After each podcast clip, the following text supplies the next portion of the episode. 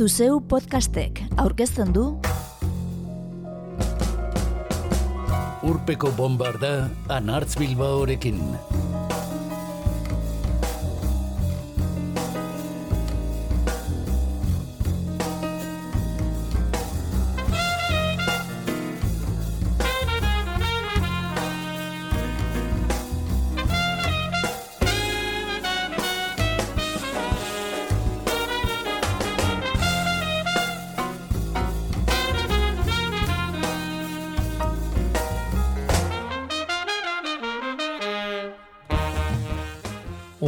Urpeko bombardan gaur, Juan Luis Zabalak idatziriko bizi bizitza iritzi artikulua izango dugu ardatz.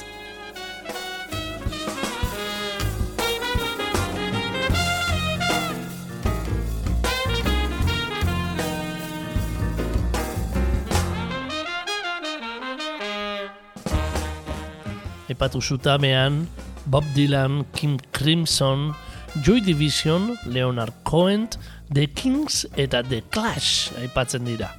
Guzti guztiak entzungo ditugu. Eta gaia kantu gila anglosaxoi handien hitzak direnez, hauetako batzuen itzulpenei ere erreparatu diegu. Let's goazen!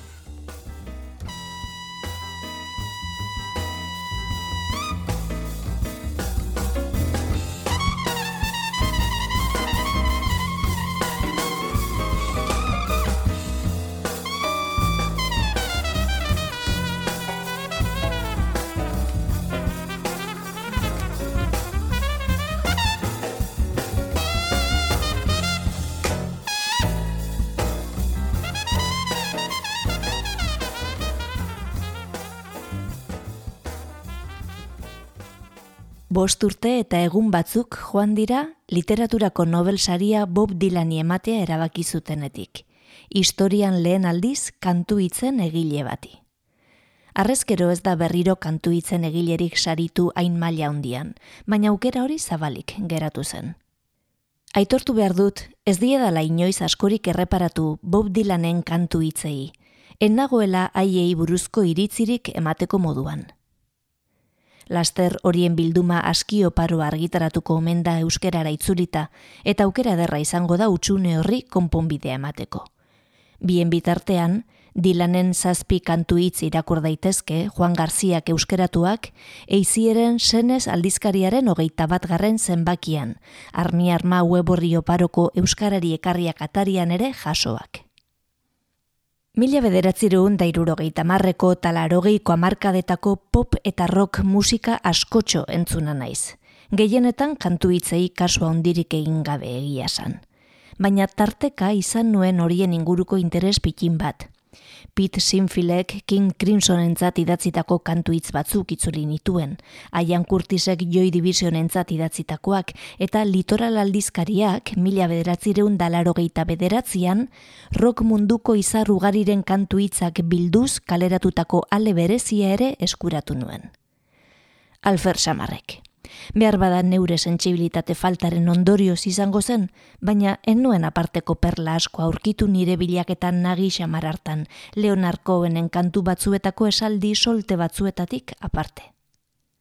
Orduan ezagututako kantu hitzen artean, nigan izandako inpaktuaren gatik bakar bat aukeratu behar banu, Ray Davisek sortu eta The Kings taldeak kantatutako Live Life aukeratuko nuke zalantzaren hasia piztu baitzion orduan nintzen gaztetxo errebelde nahiari. Riff indartsu baten ondoren, onela hasten da kantua neure erara euskeratuta. Entzun alduzu istiluen berri lurralde osoan, fasisten eta ezkerregaleko militanteen artean, eksekutiboak beren burua hiltzen ari dira eta ira kristo guztia akabatzen ez izutu, ez galdu kontrola, eutxi zeure buruari, lasai jokatu, normal, ez dago gaizki pozari eutxi eta segi aurrera.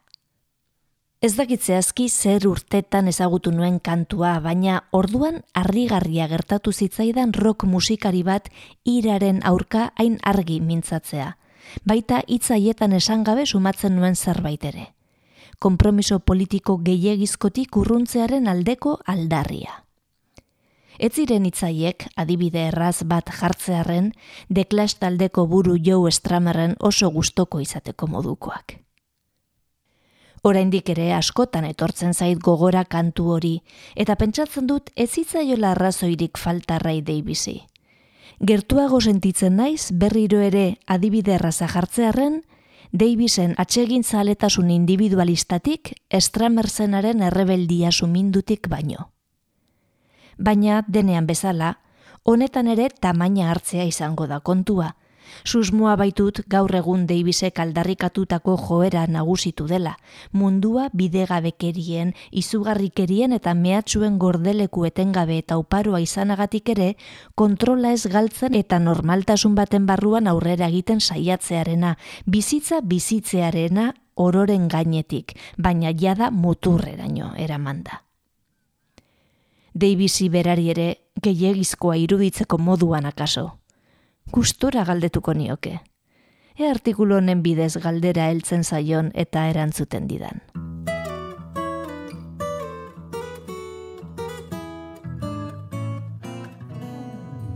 I'm walking down a street called Hope. I'm gonna get some satisfaction in my soul. I'm leaving that street called fear. Blow that negativity right out of here. I pass by the alleyway called I'm on the street called hoping it's a future and I can't wait.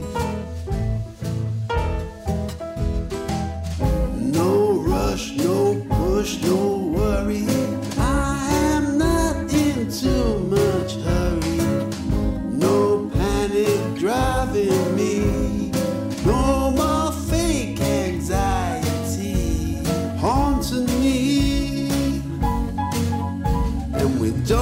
Wanna walk into trouble, do we? I'm walking on a street called home. Gonna find some satisfaction in my soul. And I'm avoiding every dark side street.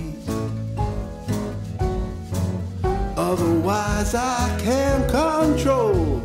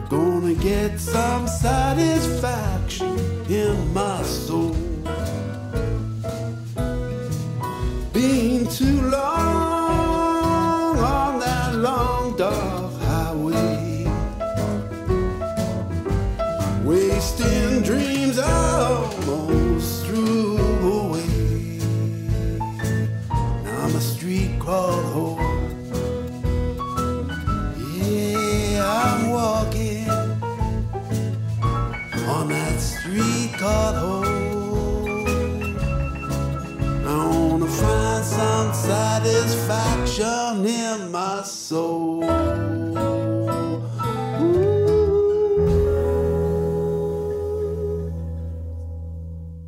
Juan Luis Zabala idazle kasetari eta itzultzaileak joan den urriaren amabostean Gipuzkoako hitzan plazaratu zuen bizi bizitza zutabea entzun eta Ray Davis entzunez abiatu dugu saioa. The Kings taldeko buru izan zenaren azken lana irekitzen duen itxaropena izeneko kalea kantuarekin. Irrogeita mazazpi urte ditu Ray Davisek, eta 2000 eta mazortzikoa du Our Country, Americana Act 2 diskoa. Eta beste erraldoi batekin egingo dugu aurrera. Jada laro beteak dituen Bob Dylan egin. Du luzeko bardoak mila bederatzen dut irurogeta iruan plazaratu zuen The Free Winning Bob Dylan. Bigarrena zuen lan luzea, Kolumbia etxean. Aurreko urtean egina zuen debuta, baina disko hartan berak idatzitako bi kantu baino ez ziren. The Free Winning Bob Dylan bigarren honetan ordea, kantu egile aparta zela erakusten hasi zen. Blowing in the Wind, I Shall Be Free, Girl from the North Country, Don't Think Twice, It's Alright, edo sekulakoa botako du kantei esker.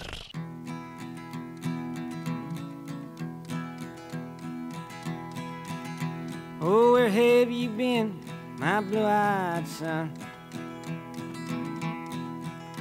And where have you been, my darling young one? I've stumbled on the side of twelve misty mountains. I've walked and I crawled on six crooked highways. I've stepped in the middle of seven side forests. I've been out in front of a dozen dead oceans. I've been 10,000 miles in the mouth of a graveyard. And it's a hard, it's a hard, it's a hard, it's a hard, it's a hard rain. You're gonna fall. Non izan augu begi urdin. Non izan augu seme kriskitin.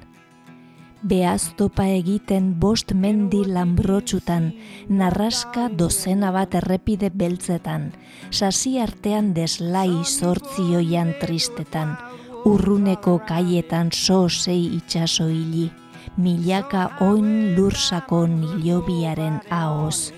Latz ere latz, latz ere latz, latz ere latz, jasa latza sekulakoa botako du.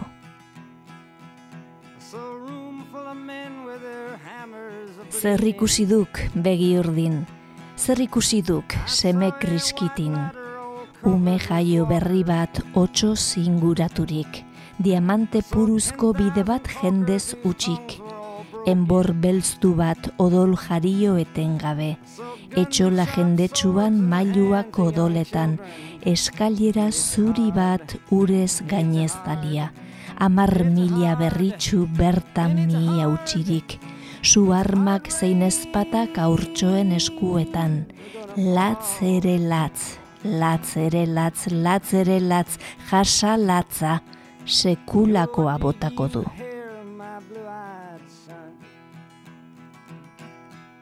Zer adituduk begi urdin, zer adituduk seme kriskitin, trumoiaren ostotxa alarma deiadarrez, uin baten horroa, lurra ito beharrez, eunka danborjole eskuarinak gori, milaka zurrumurru eta nork entzunik ez.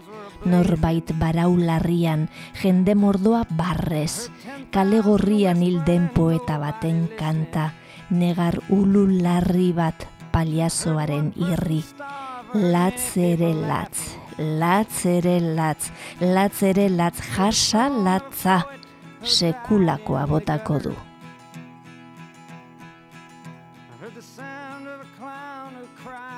Nor topatu duk begi urdin, nor topatu duk seme kriskitin. Aur bat eta alboan haren zalditxo hila. Gizon zuri-zuri bat txakur beltz-beltz batekin. Emakume gazte bat gorputza su harturik. Neska bat ark eman dit ostadarra eskura. Gizon bat maitasunez noabarmen kolpatua. Beste bat gorrotoak berdin larriki joa. Latz ere latz, latz ere latz, latz ere latz, jasa latza. Sekulakoa botako du.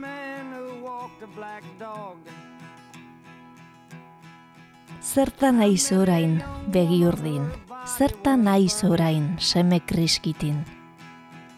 Banoa zaparra da leher dadin orduko oian beltz sakonaren sakonik beltzenera, non jendea den anitz eta eskuak utxik, non urak dauden oro gainez eginik pozoiz, non basetxe ederren ondoan den lehotza, non borreroa nor den isilpean daukaten, non gozea itxu den arimen ondagarri, non beltza den margoa eta huts zenbakia, hau dut esanen gogo hitz arnaz eginen menditik errepika ororen zentzagarri.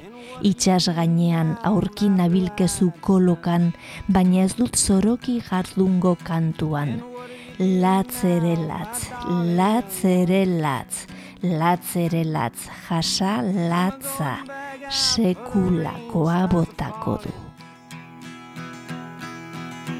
I'll walk to the depths of the deepest dark forest Where the people are many and their hands are all empty Where the pellets of poison are flooding their waters Where the home in the valley meets the damp, dirty prison and the executioner's face is always well hidden. Where hunger is ugly, where the souls are forgotten. Where black is the color, where none is the number. And I'll tell it and speak it and think it and breathe it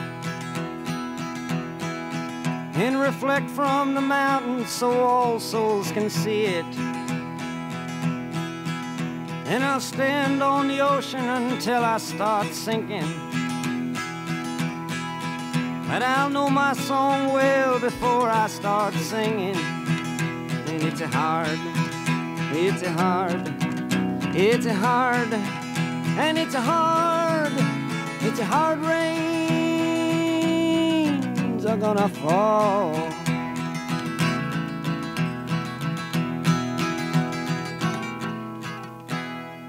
A Hard Rains a Gonna Fall kanta luzea entzun berri diogu Bob Dylani, Juan Gartziak egindako itzulpen eta guzti. King Crimson irurogeiko amarkada bukaeran Inglaterran sortutako taldea da. Robert Frippek gidatu eta rock progresiboa jorratu zuena. Aztapenetan Peter Sinfield izan zuten hitzen egile. Sinfieldek irudi surrealistez osatzen zituen hitzak fantasiaz beteak eta naturari eskainiak. In the Court of the Crimson King langora ipatuan, berbarako. Guk ordea, Cadence and Cascade entzungo dugu mila beratzen marreko In the Wake of Poseidon taldearen bigarren diskotik.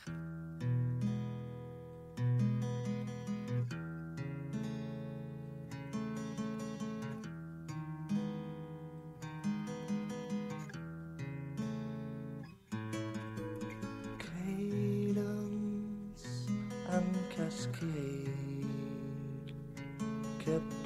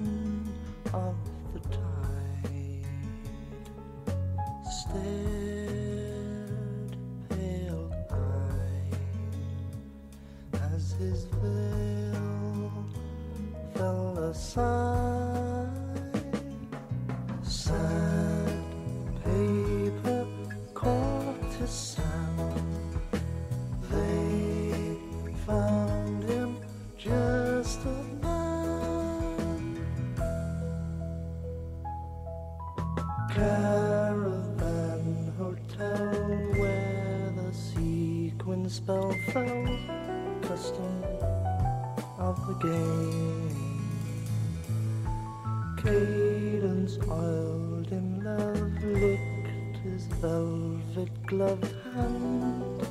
Cascade kissed his name.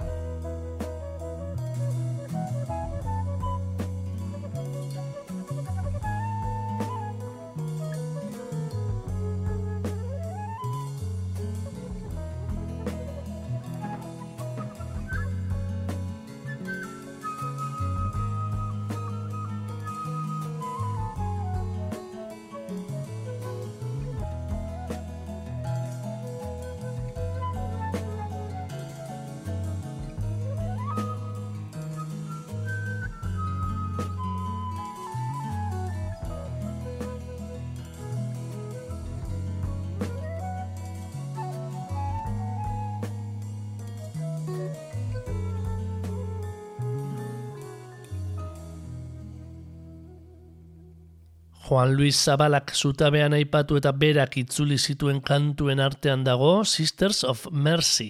Leonard Cohen kanadiarraren mila bederatzen da irurogeita zazpiko estreneko diskoan gordea.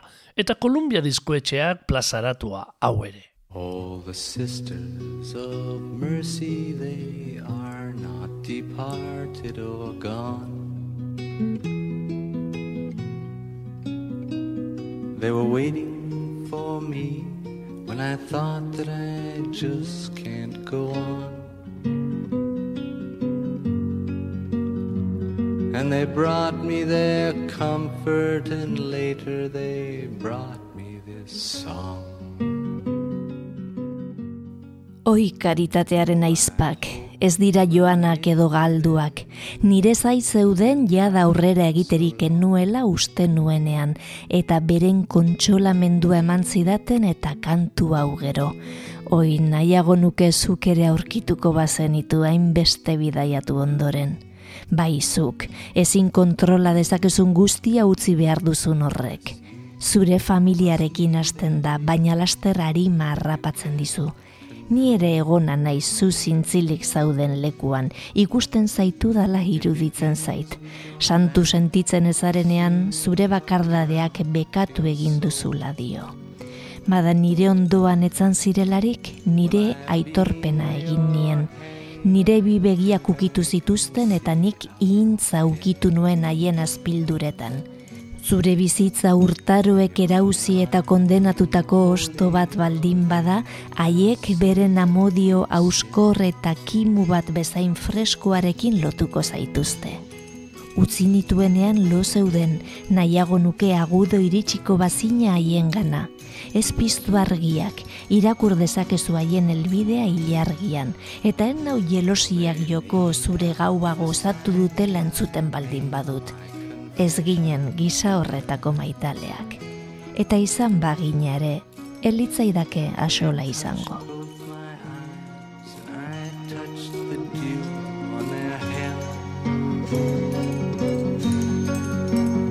If your life is a leaf that the seasons tear off and condemn, they will bind love that is graceful and green as a stem.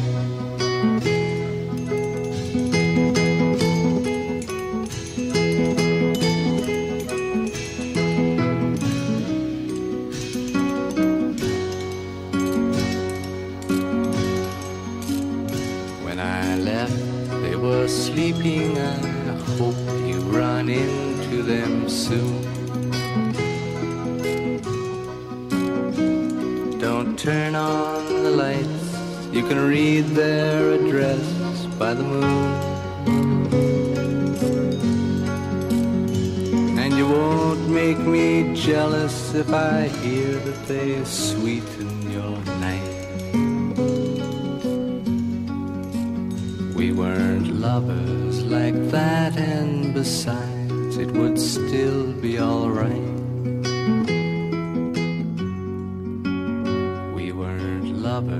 Like that, and besides, it would still be alright. Saioa hasi bezala folk eta pop doinu atzeginekin bukatu baino lehen, besteak beste zenbait bertzioen bitartez Cohen eta Dylanen gana itzulita, tarte gordin xeagoa izango dugu segidan, Joe Division, The Kings eta The Clash Britanniarrekin. Ian Curtisek bere buruaz beste egin zuen hogeta hiru urte baino ez zituela, eta kantu egile gisa bilan baino ez zituen eman Joy Division taldearekin. Mila bederatzen da irurogeita emeretziko Unknown Pleasures, eta mila bederatzen larogeiko Closer. Azken honetakoa dute kanturik ezagunena, maitasunak urratuko gaitu.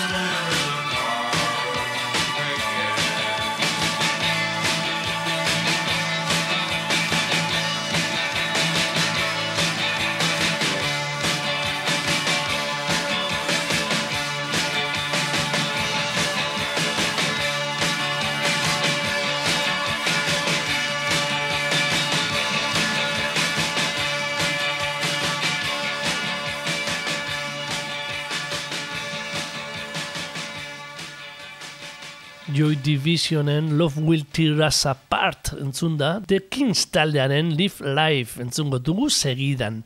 Iraren aurka argi mintzatu eta Juan Luis Zabalak idatzi duenez, zalantzaren hasia piztu ziona orduan gaztetxo errebelde naia zen mutikoari. Mila bederatzinen da irurogeita mazortzikoa da kantua. Misfits diskokoa.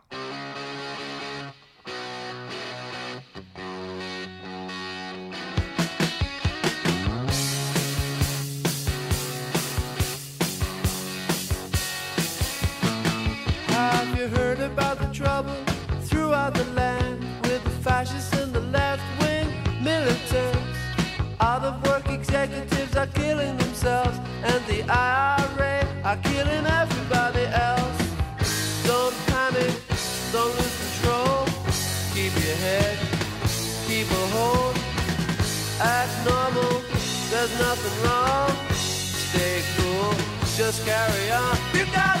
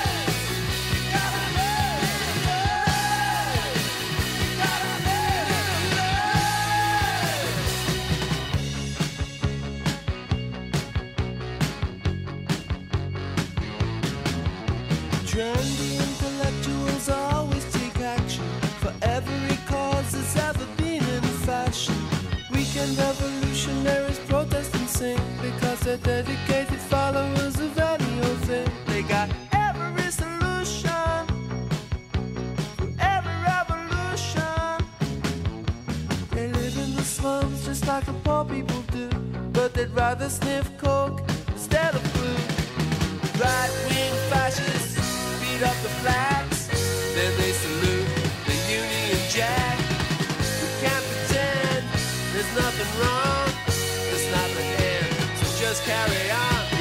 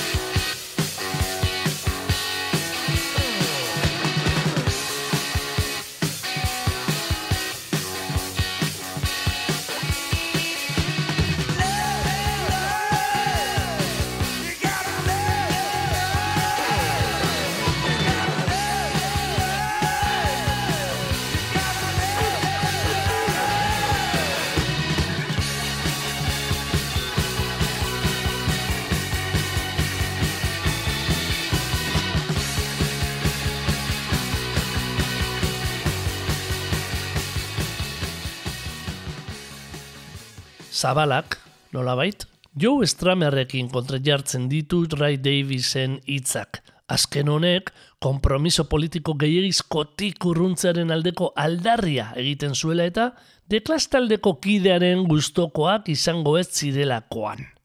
Guk dakigula bederen, deklasek etzuen zuzenean iraipatu bere kantuetan. Baina dituen ustez, irrogeita marrako amarkadako erakunde armatuak ditu akorduan Tony Gunn kantuan. Eriotza hain merke ateratzen bada, bizitzarekin ere berdin dioenean. Mila bederatzen hunde irurogeita mazortziko Given an Oath Rope laukotaren bigarren lan luzeko single nagusia da Tony Gunn. Eta The Beatles taldearen Revolution kantuaren punk bertzioa dela idatzi duenik ere bada.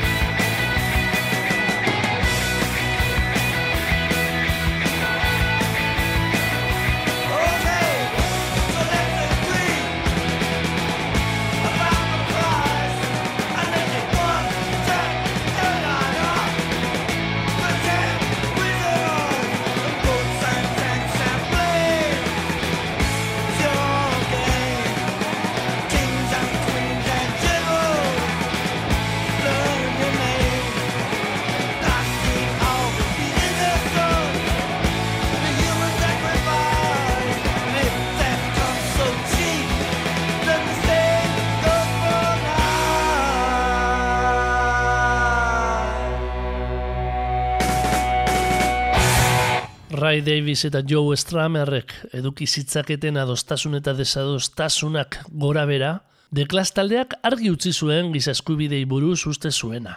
Mila bederatzen ularo biko Combat Rock diskoko Now Your Rights kantuan. Ilketa krimen bat da, polizia baten eskuetan izan ez bada.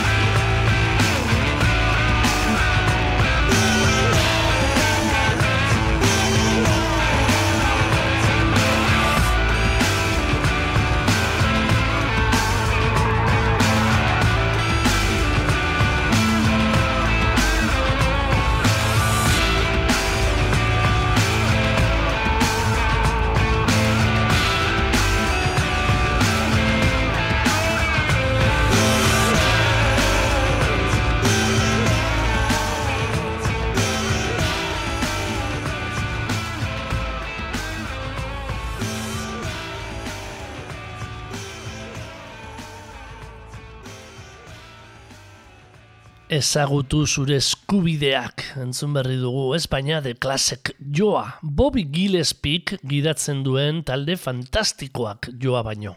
Eta Primal Screamekin ireki dugun bidetik jarraituko dugu jada gaurko saioa bukatu bitartean. Aipagai izan ditugun kantu egileen abestiak, beste artista batzuen ahotzetan entzunez. Joy Divisionen Closer diskokoa da Isolation kantua ere. Bilbo aldeko Split Zazpi Zazpi talde finak, 2000 eta mentura lanean berrirakurri zuena. Kantu intentzoa, bakarrik sentitzeaz eta isolatua egoteaz mintzo dena.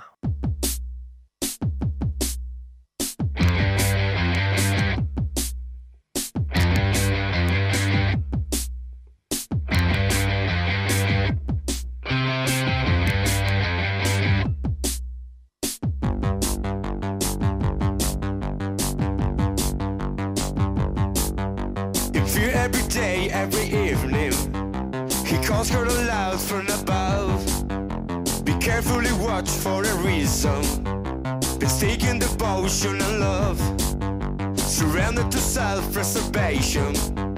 From other who cares for themselves. Life is a touch with perfection. The hair just like anything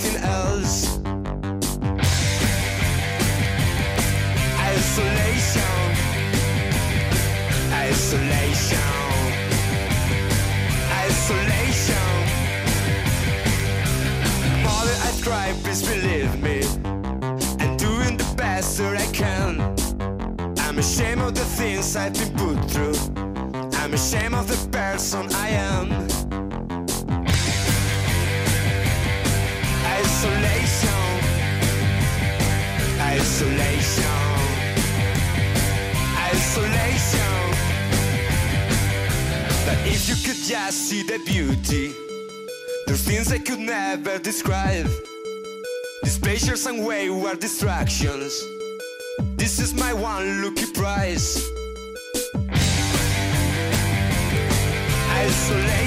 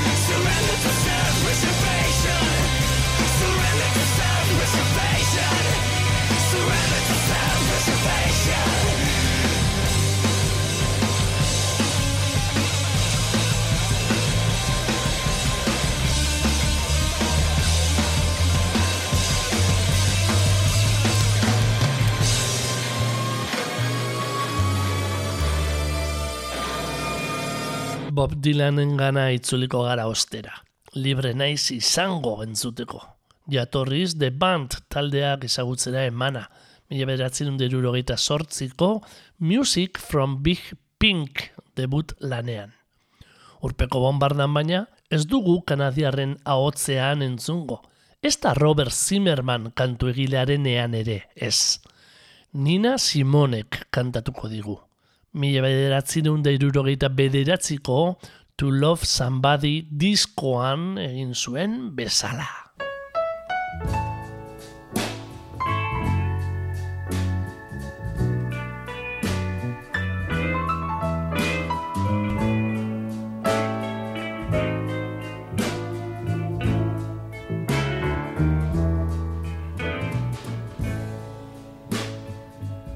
They say everything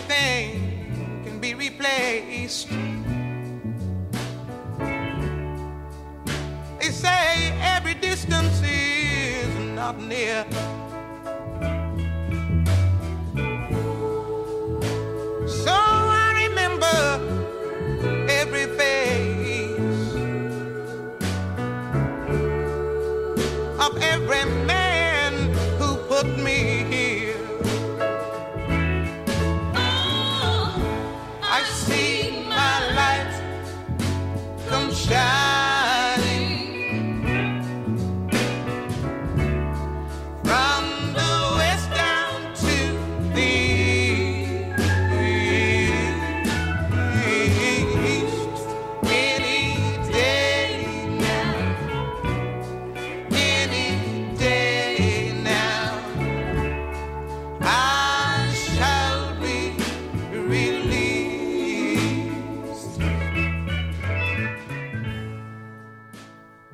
Oroei da aldagarri, baina urrun ez da ur.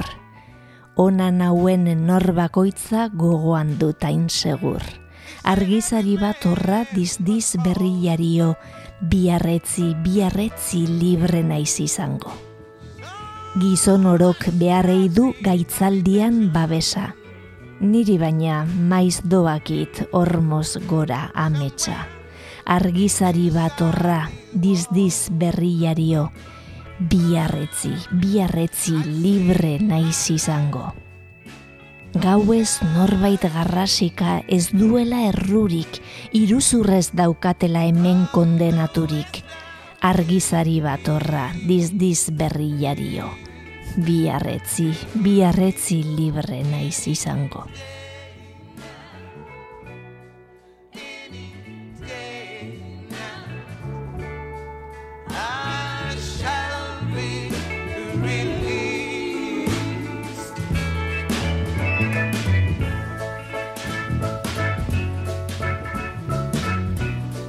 Yonder stands a man in this lonely crowd. Man who says he's not to blame.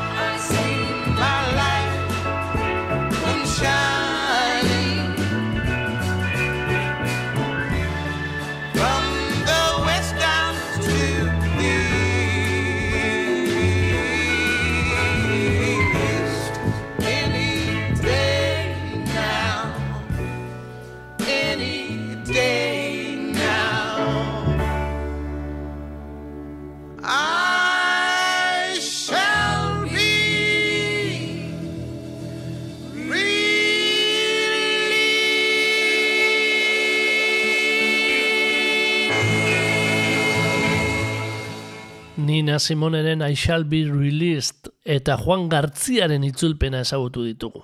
Eta bombarda berriro urpean gordetzera goaz. Leonard Cohenek mila bederatzen deirurogeita maikako maitasun eta gorroto kantuak diskoan eman zuen Famous Blue Raincoat kantuarekin. Mikel Urdangarinek Leonard Cohen omendu zuen 2008an. Hotza da New York is Cold zuzeneko diskoarekin. Bertatik entzungo dugu. gaurko zaioari agur esateko, gabardina urdin ospetsua.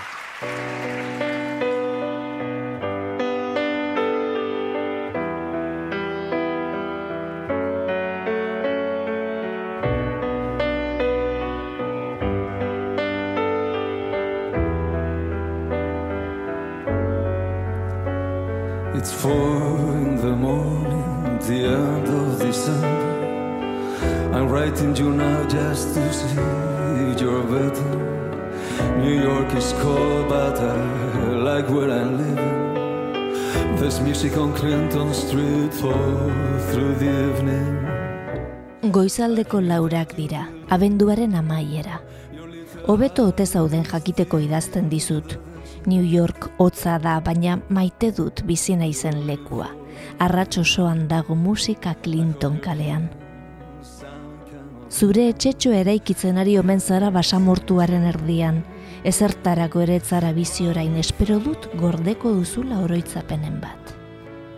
Bai, eta Jane etorri zitzaidan zure hile Sherlock iskur batekin, zuke mana zela esan zidan garbi jokatzea erabaki zenuen gauean. Jokatu alduzu inoiz garbi. Oi, ikusi zintudan azken aldian zaharrago ematen zenuen askozaz. Zure gabardina beltz ospetsua urratua zegoen sorbaldan. Geltokira joan zinen tren guztiak hartzera eta etxera itzuli, Lili Marlen gabe.